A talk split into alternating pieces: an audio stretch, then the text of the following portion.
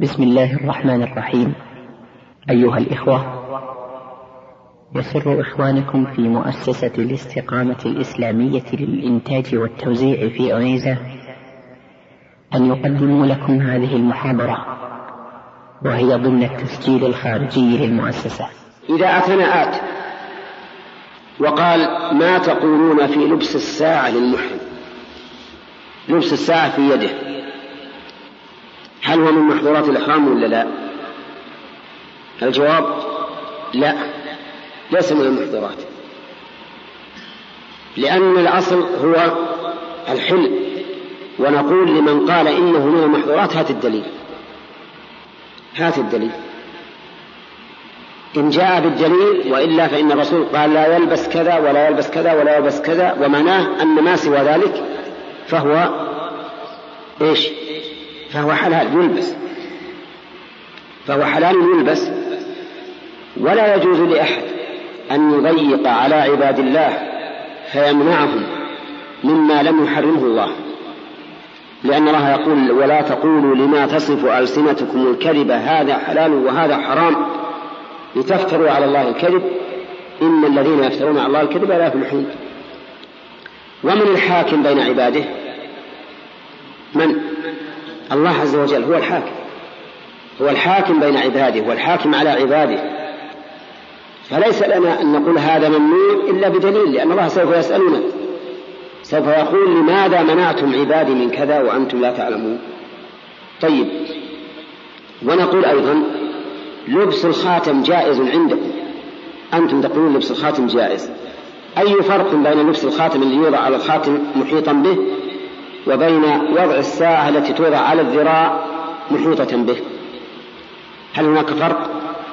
كل منهما محيط. طيب لو جاءنا آت وقال ما تقولون في لبس نظارة العين؟ ها؟ حلال ولا حرام؟ حلال. الدليل؟ الدليل نقول عدم الدليل. الدليل عدم الدليل. لأن ما عندك دليل على المنع. فإذا لم يكن عندك دليل على المنع فالأصل الحل. طيب جاءنا رجل آخر قال إيه إنه لا يسمع سماعا قويا وإنه يلبس سماعة في أذنه. يجوز ولا لا؟ يجوز. لو لو علقها على رقبته نعم يجوز. فإذا قال قائل هذا ممنوع قلنا ها؟ عليك الدليل. وإلا فالأصل الحل جاءنا آت وقال أنا ما عندي ما عندي سموم أسناني ساقطة. وقد اتخذت أسنانا مركبة صناعية. فهل يجوز أن ألبسها وأنا محرم؟ ها؟ يجوز. إذا قال قائل ما الدليل؟ أقول الدليل عليك أنت أنت إن قلت أنها ممنوعة فعليك الدليل وإلا فالأصل الأصل الحل المهم أنا قد لا أستطيع الإحاطة بكل ما يفعل لكن أنا, أنا أعطيكم أصلا. ما هو الأصل فيما يلبسه المحرم؟ أهو الحلال أو الحرام؟ ها؟ الأصل حلال. ما الدليل؟ أن النبي صلى الله عليه وسلم لما سئل ماذا يلبس المحرم أجاب عما لا يلبس فكأنه قال للسائل البس كل شيء ما عدا ها؟ هذه الأشياء.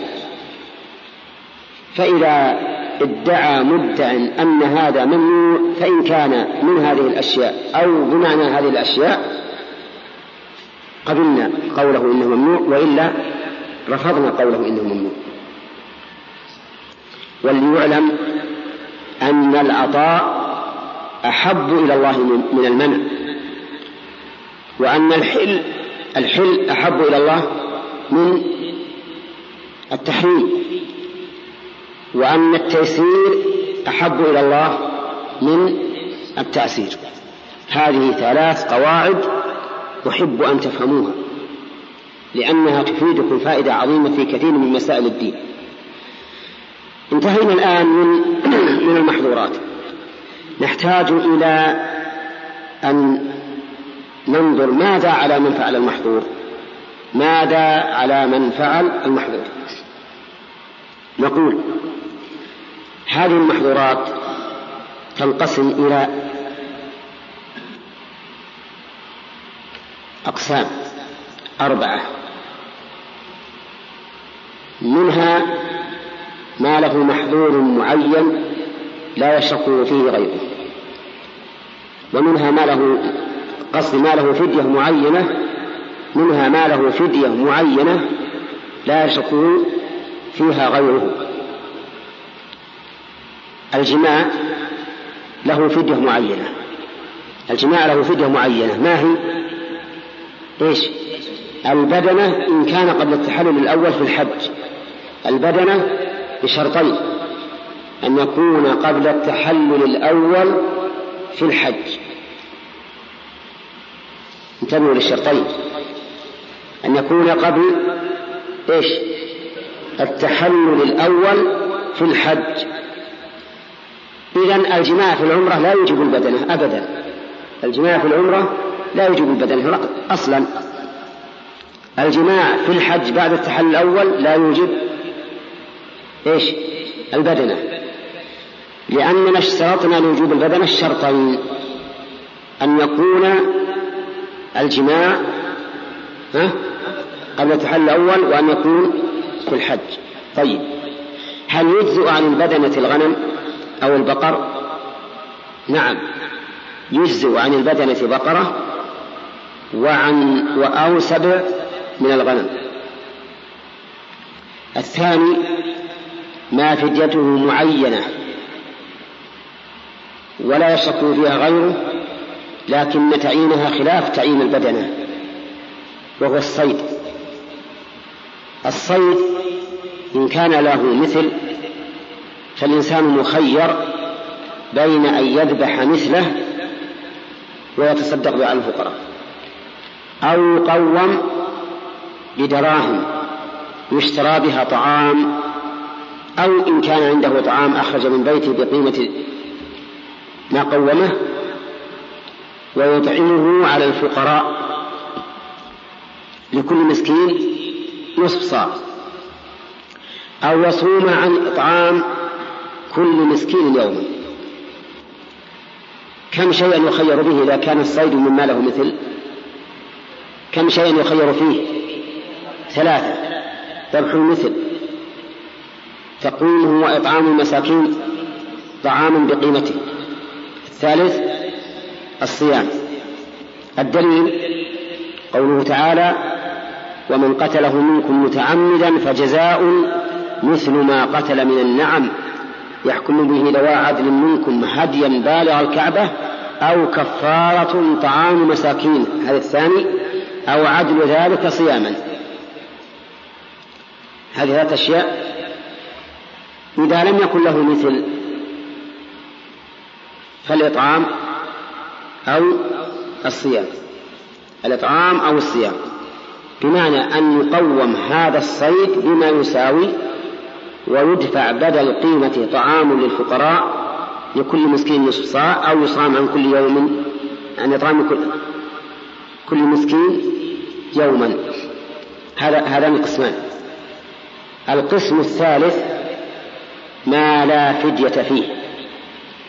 القسم الثالث ما لا فدية فيه. وهو عقد النكاح والخطبة. عقد النكاح والخطبة. هذا ليس فيه انتبه ليس فيه إيش؟ ما فيه فدية. ما فيه إلا الإثم فقط. لا فدية فيه. القسم الرابع ما فديته على التخيير بين أمور ثلاثة. إما إطعام ستة مساكين أو لكل مسكين نصف صاع أو ذبح شاة يوزعها على الفقراء أو صيام ثلاثة أيام. كم المخيرات فيها؟ ثلاثة هي ذبح شاة صيام ثلاثة أيام إطعام ستة مساكين لكل مسكين نصف صاع. الدليل قوله تعالى في حلق الرأس ففدية من صيام أو صدقة أو نسك. وقد بين النبي صلى الله عليه وسلم مقدار هذه المجملات. فقال في الإطعام إطعام ستة مساكين لكل مسكين نصف صاع. وقال في الصيام صيام ثلاثة أيام. صيام ثلاثة أيام. هذه الفدية في جميع محظورات الإحرام سوى ما ذكرنا وهي ثلاثة أشياء. ما لا فدية فيه وما فديته معينة ببدنه وما فديته معينة بين ثلاثة أشياء أو شيئين. ما عدا هذه فإن فديته التخيير بين هذه الأمور الثلاثة. طيب حلق الرأس ما فديته؟ التخيير بين هذه الثلاثة. طيب استعمال الطيب. ها؟ التخيير بين هذه الأمور الثلاثة.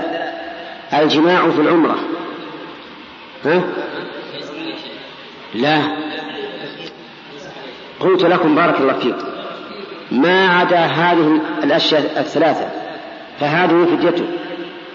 كل المحظورات ما عدا الثلاثة هذه اللي ذكرنا فهذه فديته. الآن الجماع في العمرة. التخيير بين هذه الأشياء الثلاثة. لأننا ذكرنا لكم. أن البدنة واجبة في الجماع في الحج قبل التحلل الأول. فالآن هذا جماع في عمرة. فما الذي فيه؟ التخيير بين الأمور ثلاثة. فإذا جاءنا رجل يسأل عن جماعة في العمرة ما فديته؟ قلنا أنت مخير بين صيام ثلاثة أيام أو إطعام ستة مساكين أو ذبح شاة. الجماع في الحج بعد التحلل الأول. نعم ما هو؟ التخيير بين هذه الأمور الثلاثة. لبس المخيط. على رأي الجمهور. وأنا قلت لبس المخيط تبعا لما يعبر به وإلا فلبس ما ينهى عنه من اللباس؟ التخيير بين هذه الأشياء الثلاثة. عرفتم؟ فبهذا الآن اتضحت الفدية أو اتضحت أقسام المحظورات بالنسبة للفدية. من يبين لها يبينها لنا؟ طيب قل. ما فيه فدية معينة. البدنة والجماع يعني الجماع في الحج قبل التحلل الأول ففيه بدن نعم. هل يتوى عنها غيرها؟ نعم بقرة أو سبع. من الغنم. طيب. يعني ما ليس فيه فدية كالنكاح وحفظه. الحج يعني عقد النكاح. وخطبة النكاح. طيب. وذلك ما فيه فدية معينة يخير فيها بين مثل بين بين ثلاثة أشياء أو شيئين. وهو قتل الصيد. طيب قتل الصيد ماذا يخير فيه؟ إن كان له مثل فيخير. نعم. أو يقدر ثمن هذا الهدي ويطعم عنه مساكين أو يصوم قدر المساكين. عن إطعام كل مسكين يوم. هل يجزئ أن يخالف فيخرج غير المثل؟ يعني لو كان مثله بعير هل يجوز أن يخرج سبع شياه لا. نعم. النعامة فيها بدنة. النعامة فيها بدنة والحمامة فيها شاة. لو أخرج عن البدنة سبع سبعا من الغنم هل يجوز أو لا يجوز؟ كيف يجوز؟ لكن الله عز وجل يقول جزاء مثل ما قتل من النعم. النبي صلى الله عليه وسلم يعني وضح هذا. إيش قال؟ يعني من لم يجد. وين قال؟ وين الحديث؟ وأنت لو قلت إذا لم يجد جاز كان أهون أنت ذكرت أن تجوز سبع الغنم عن عن البعير مطلقا على كل حال هذه المسألة فيها خلاف والراجح المنع لأن الله عين قال جزاء مثل ما قتل من النعم. فلا بد من المماثلة. والله حكيم عز وجل. لولا أن هناك حكمة في أنه يجب المثل ما أوجب الله المثل. ها؟ ها؟ هل الرسول صلى الله عليه وسلم مثل هذا؟ الصحابة بينوا هذا. قالوا في النعامة بدلوا في حمامة الشاة. وقضى النبي صلى الله عليه وسلم بالضبع بشاة طيب. القسم الرابع فيه التخيير بين ثلاث اشياء نعم. القسم الرابع ما فيه التخيير بين ثلاث أشياء. وهي؟ نعم. أو صيام ثلاث أيام نعم. أو اطعام ست مساكين لكل مسكين؟ طيب. الدليل قوله تعالى في الحلق ففدية من صيام أو صدقة أو نسك. طيب هذه عرفنا الفدية الآن. هل الفدية لازمة لكل من فعل محظورا أو هل يترتب ما يلزم بفعل المحظور على كل فاعل نقول هذا ينقسم الناس فيه إلى ثلاثة أقسام. القسم الأول من فعل هذه المحظورات ناسيا أو جاهلا أو مكرها القسم الأول من فعل هذه المحظورات ناسيا أو جاهلا أو مكرها فهذا ليس عليه إثم وليس عليه فدية ليس عليه إثم ولا فدية فلو جاءنا رجل وقال إنه غطى رأسه ناسيا أو نام فغطى رأسه فماذا عليه؟ ها؟ ليس عليه شيء جاهلا لو جاءنا رجل وقال إنه غطى رأسه لكن لا يدري أنه حرام. فماذا عليه؟ ليس عليه شيء. مكرها أكره على أن يفعل محظورا من المحظورات فليس عليه شيء. ما هو الدليل؟ الدليل من كتاب الله وسنة رسول الله صلى الله عليه وسلم. من كتاب الله قال الله تعالى وليس عليكم جناح فيما أخطأتم به ولكن ما تعمدت قلوبكم وقال تعالى ربنا لا تؤاخذنا إن نسينا أو أخطأنا. فقال الله قد فعلت. ومن سنة رسول الله صلى الله عليه وسلم رفع عن أمة الخطأ والنسيان وما استكرهوا عليه. بل جاء النص في خصوص الصيد. قال الله تعالى فيه ومن قتله منكم إيش؟ متعمدا فجزاء. يعني فعليه الجزاء. فقيد ذلك بالتعمد مع أن الصيد الفدية فيه فدية عن نفس محترمة وهو الصيد. ليس بسبب الترفه أو ما أشبه ذلك. إذا نقول من فعل هذه المحظورات ناسيا إيش؟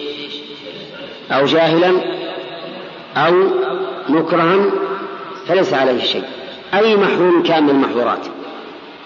من أعلاها وهو الجماع إلى أقلها وهو عقد النكاح مثلا الذي ليس فيه فدية. نقول من فعل شيئا من هذه المحظورات ناسا أو جاهلا أو مكرها فليس عليه شيء لا إثم ولا فدية ولا فساد نسك للأدلة التي ذكرناها. القسم الثاني من يفعلها متعمدا لعذر يبيح الفعل. من يفعلها متعمدا لعذر يبيح الفعل. فهذا ليس عليه إثم. ليس عليه إثم. ولكن عليه الفدية. ولكن عليه الفدية. الدليل قوله تعالى في حلق الرأس. فمن كان منكم مريضا أو به أذى من رأسه ففدية من صيام أو صدقة أو نسك. فأباح حلق الرأس للعذر لكن مع وجوب إيش؟ الفدية. أتانا رجل فقال إنه مضطر إلى لبس القميص. وهو محرم. مضطر. وأتانا رجل آخر وقال إنه مضطر إلى لبس السراويل وهو محرم. نقول البس هذا ها؟ وعليك على رأي جمهور العلماء عليك الفدية. واضح؟ طيب. اضطر رجل إلى قتل الصيد. ضرورة. يموت إن لم إن لم إن لم يصده ويأكل نقول له صده وعليك الفدية. لكن عليك إثم ولا لا؟ ها؟ عليك إثم؟ ليس عليك إثم. إذا القسم الثاني من فعل شيئا من هذه المحظورات لعذر يبيحه فهذا متعمدا فعليه الفدية ولا إيش؟ ولا إثم عليه الفدية ولا إثم القسم الثالث من فعله غير معذور بجهل ولا نسيان ولا إكراه ولا عذر يبيح له الفعل فهذا إيش؟ فهذا عليه الإثم وعليه الفدية عليه الإثم وعليه الفدية. وذكرنا في الجماع في درس سبق أنه يترتب عليه خمسة أشياء إذا كان في الحج قبل التحلل الأول. ما هي؟ الإثم فساد النسك وجوب المضي فيه قضاؤه في العام المقبل ها؟ الفدية بدنة. إذا كان بعد التحلل الأول يلزمه يترتب عليه ثلاثة أشياء. الإثم الفدية فساد الإحرام. ما هي الفدية في الوضع بعد التحلل الأول؟ التخيير بين ثلاثة أشياء. طيب. فساد الإحرام ماذا يفعل إذا فسد إحرامه؟ قال العلماء يخرج خارج الحرم. من أي جهة كانت من مكة؟ المؤمن يخرج خارج حدود الحرم ويخلع ثيابه ويلبس ثياب الإحرام ليطوف طواف الإفاضة وهو محرم. هذا هو خلاصة القول فيما يتعلق بمحظورات الإحرام. وهنا سؤال. المرأة لا تنتقل في الإحرام. ولا تلبس القفازين. لأن النبي صلى الله عليه وسلم نهى عن ذلك. لكن نسأل هل الرجل يجوز أن يلبس القفازين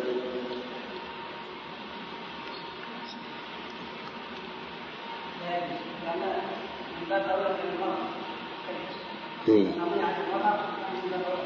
نعم نقول لا يجوز للرجل أن يلبس القفازين لأن النبي صلى الله عليه وسلم نهاه أن يلبس الخفين. ففي الخفين ستر الرجل وفي القفازين ستر اليدين. فإذا قال قائل إذا ما وجه تخصيص النهي بالمرأة؟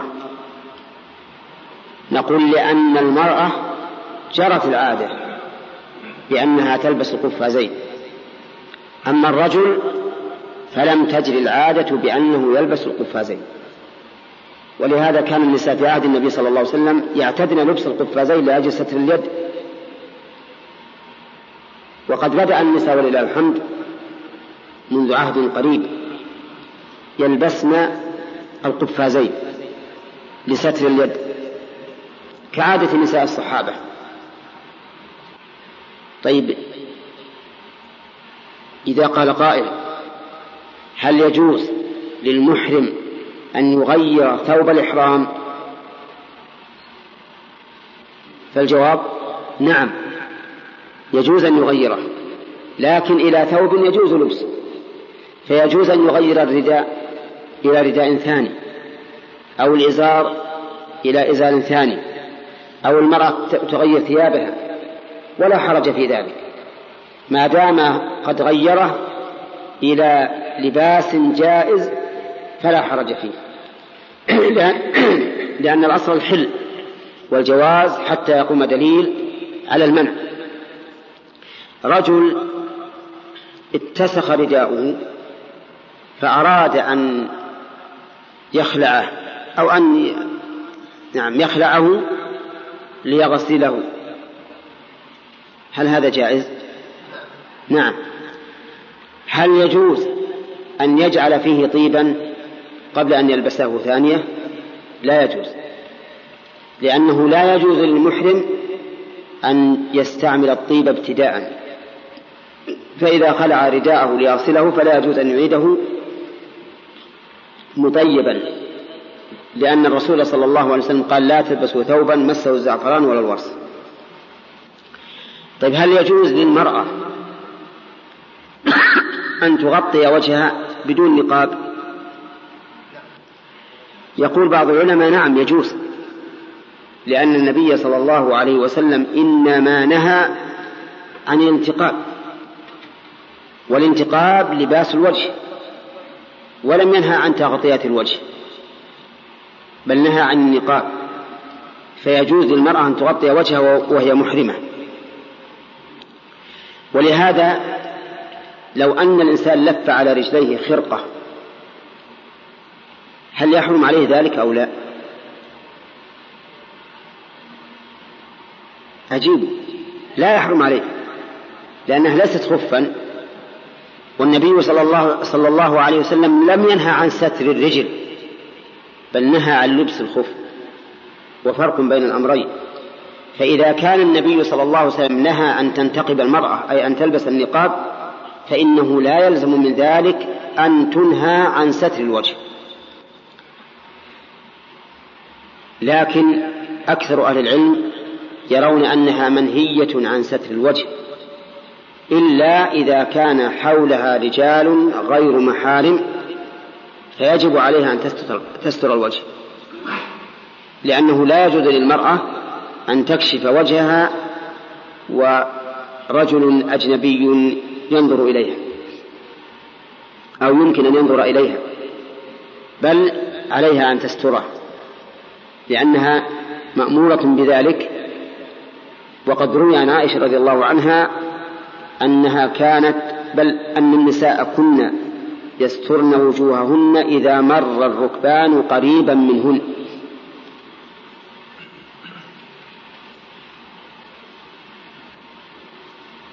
هل يجوز للمحرم أن يغتسل بدون جنابة؟ نعم. يجوز. ما الدليل؟ الدليل عدم الدليل لأن ما في دليل على المنع. بل ثبت الجواز عن النبي صلى الله عليه وسلم أنه كان يغتسل وهو محرم. وهذا يؤيد الأصل. هل يجوز للمحرم أن ينغمس في الماء؟ نعم.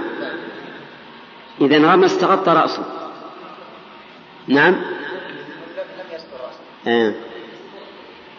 نعم نقول يجوز أن ينغمس في الماء لأن هذا لا يسمى سترا للرأس.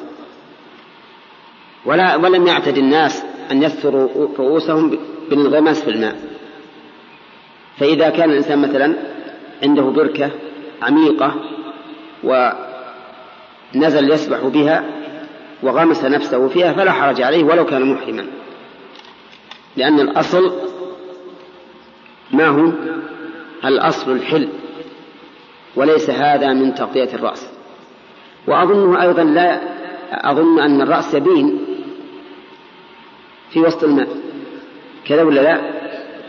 لكن هذا ليس هو السبب.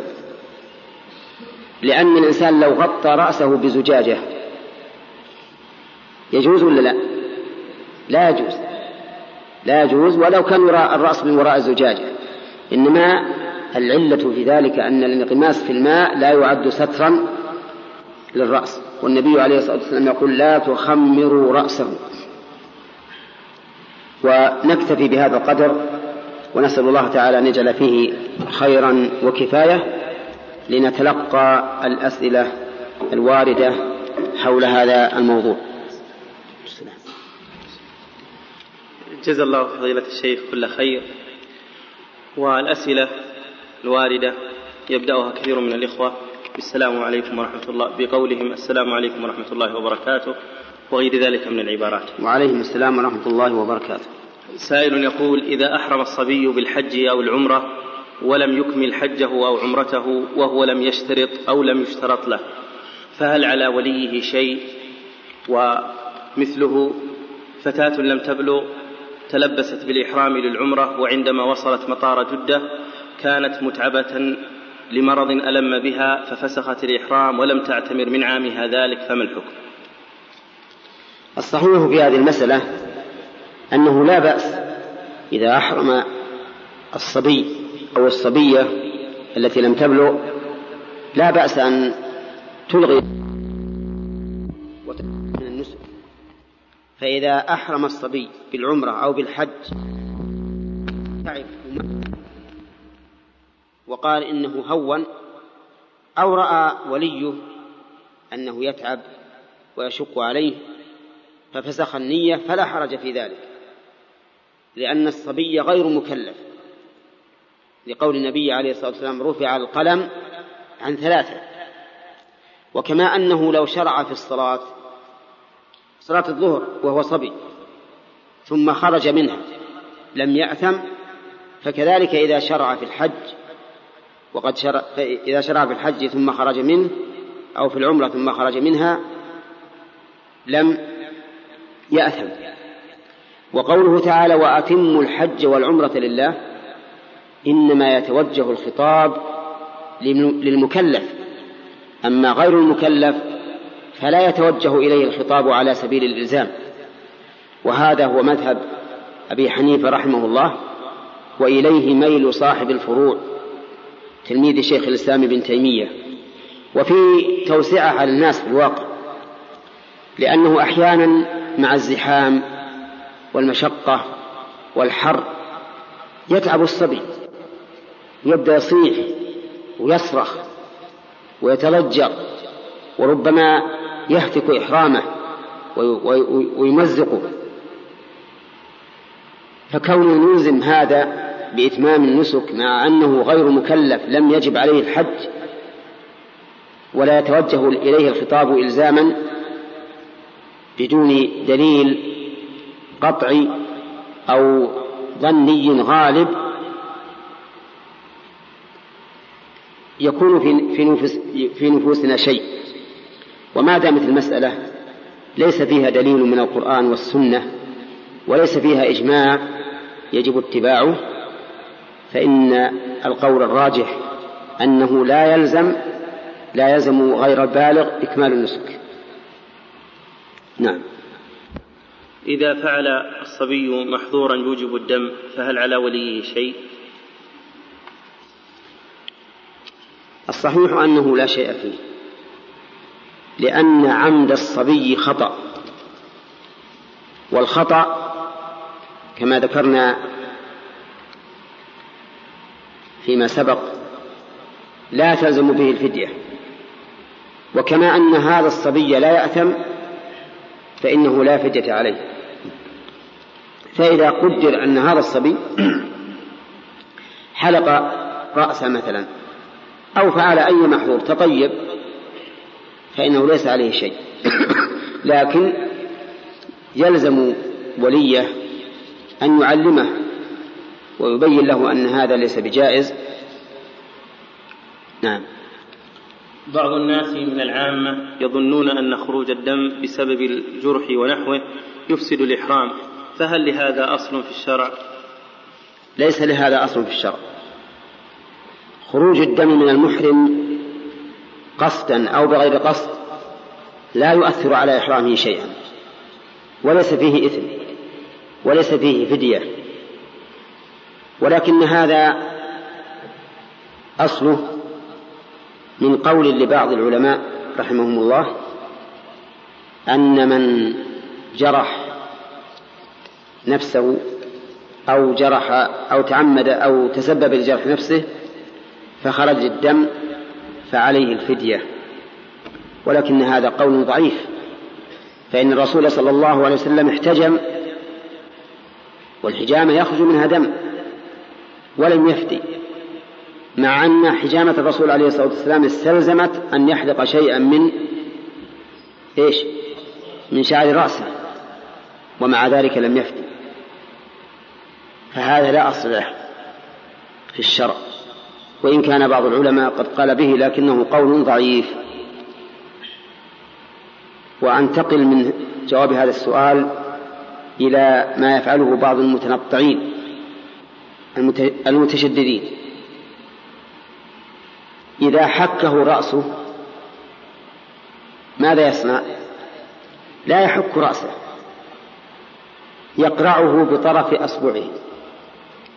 يقرع رأسه بطرف أصبعه قد تكون الحكة شديدة ويبقى عدة دقائق وهو يقرع رأسه. لماذا؟ خوفا من أن تسقط شعره. وهذا غريب. حتى إن أم المؤمنين عائشة رضي الله عنها قالت لو لم أقدر على حكه بيدي لحككته برجلي. مما يدل على أن حك الرأس لا بأس به للمحرم. حتى لو فرض أنه سقط منه شعرة أو شعرتان أو ثلاث أو أربع أو خمس فلا شيء عليه. أولا لأنه بغير قصد. والثاني ليس هناك دليل على أن الشعرة والشعرتين والثلاث والأربع والخمس فيها فدية.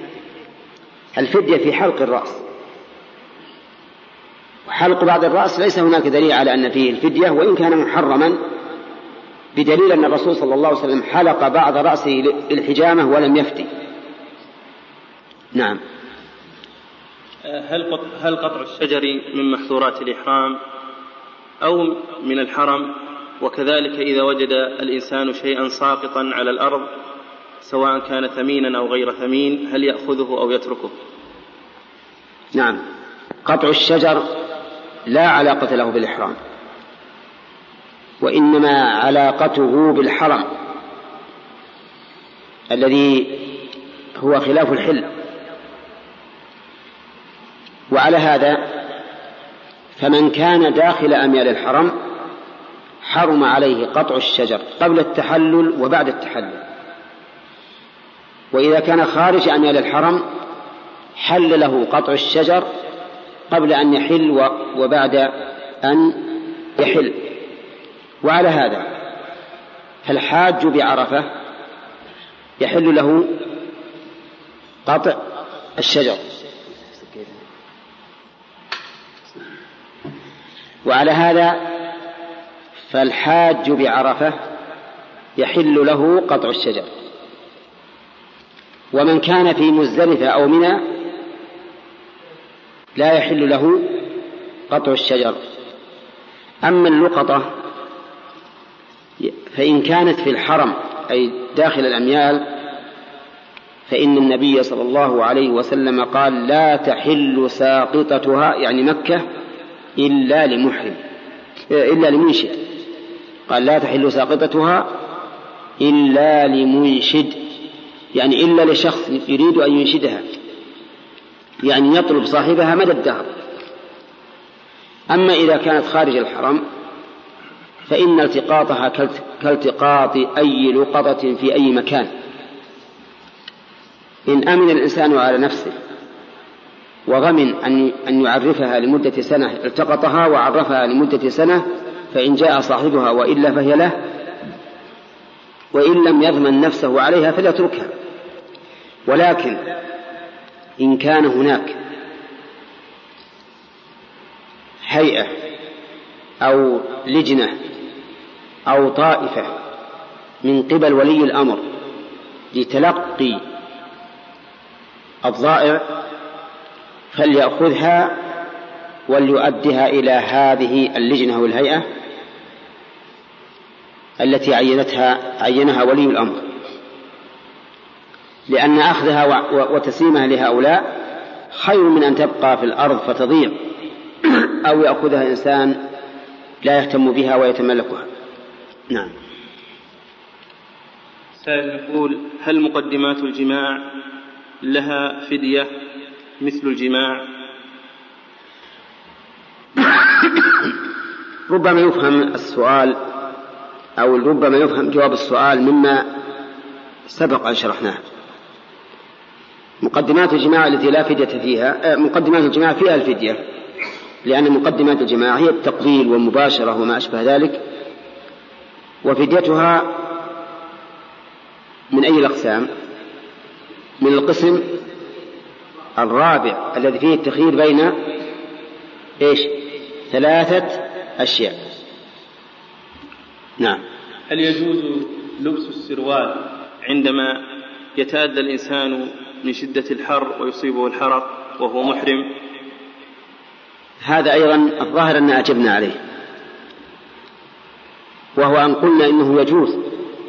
يجوز أن يلبسه آه، دفعا للضرورة. ولكن هل فيه الفدية على قول من يلزم الفدية بلبس الثياب الممنوعة؟ أو نقول إن الضرورة إلى لبسه لدفع الحروق أو الانسلاخ انسلاخ الجلد تبيح لبسه وإذا أبيح لبس السروال فلا فدية فيه لقول النبي صلى الله عليه وسلم من لم يجد إزارا فليلبس السراويل ولم يذكر فدية. الظاهر أنه لا فدية عليه لأن هذه ضرورة فإذا كان مضطرا إلى لبس السروال فكأن, فكأن فكأنه عادم للإزار. نعم. فضيلة الشيخ بعض الناس هداهم الله يلتقطون الصور في المشاعر المقدسة وربما رفع الشخص يديه للدعاء من أجل التصوير فقط. فهل هذا جائز؟ وهل يخل بالحج أم لا؟ هذا ليس هذا ليس بجائز أي التقاط صور الحجاج في أماكن العبادة غير جائز. لوجهين. الوجه الأول أنهم يلتقطون ذلك للاحتفاظ بالصور والذكرى. وكل تصوير يقصد به الاحتفاظ بالصور للذكرى فإنه حرام. ثانيا أنه لا يخلو غالبا من رياء. من رياء.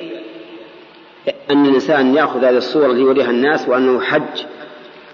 ولهذا يفعل كما قال السائل يرفع يديه للدعاء وهو لا يدعو. لكن من أجل أن تلتقط له الصورة. أما إذا احتيج إلى ذلك لكون هذا الرجل نائبا عن شخص وقال ألتقط الصورة لأثبت أني حججت. فإذا وصل إلى صاحبه الذي أنابه مزق الصورة فإن هذا لا بأس به لأن الحاجة داعية إلى ذلك ولم يقصد به مجرد الذكرى أو الاقتناء.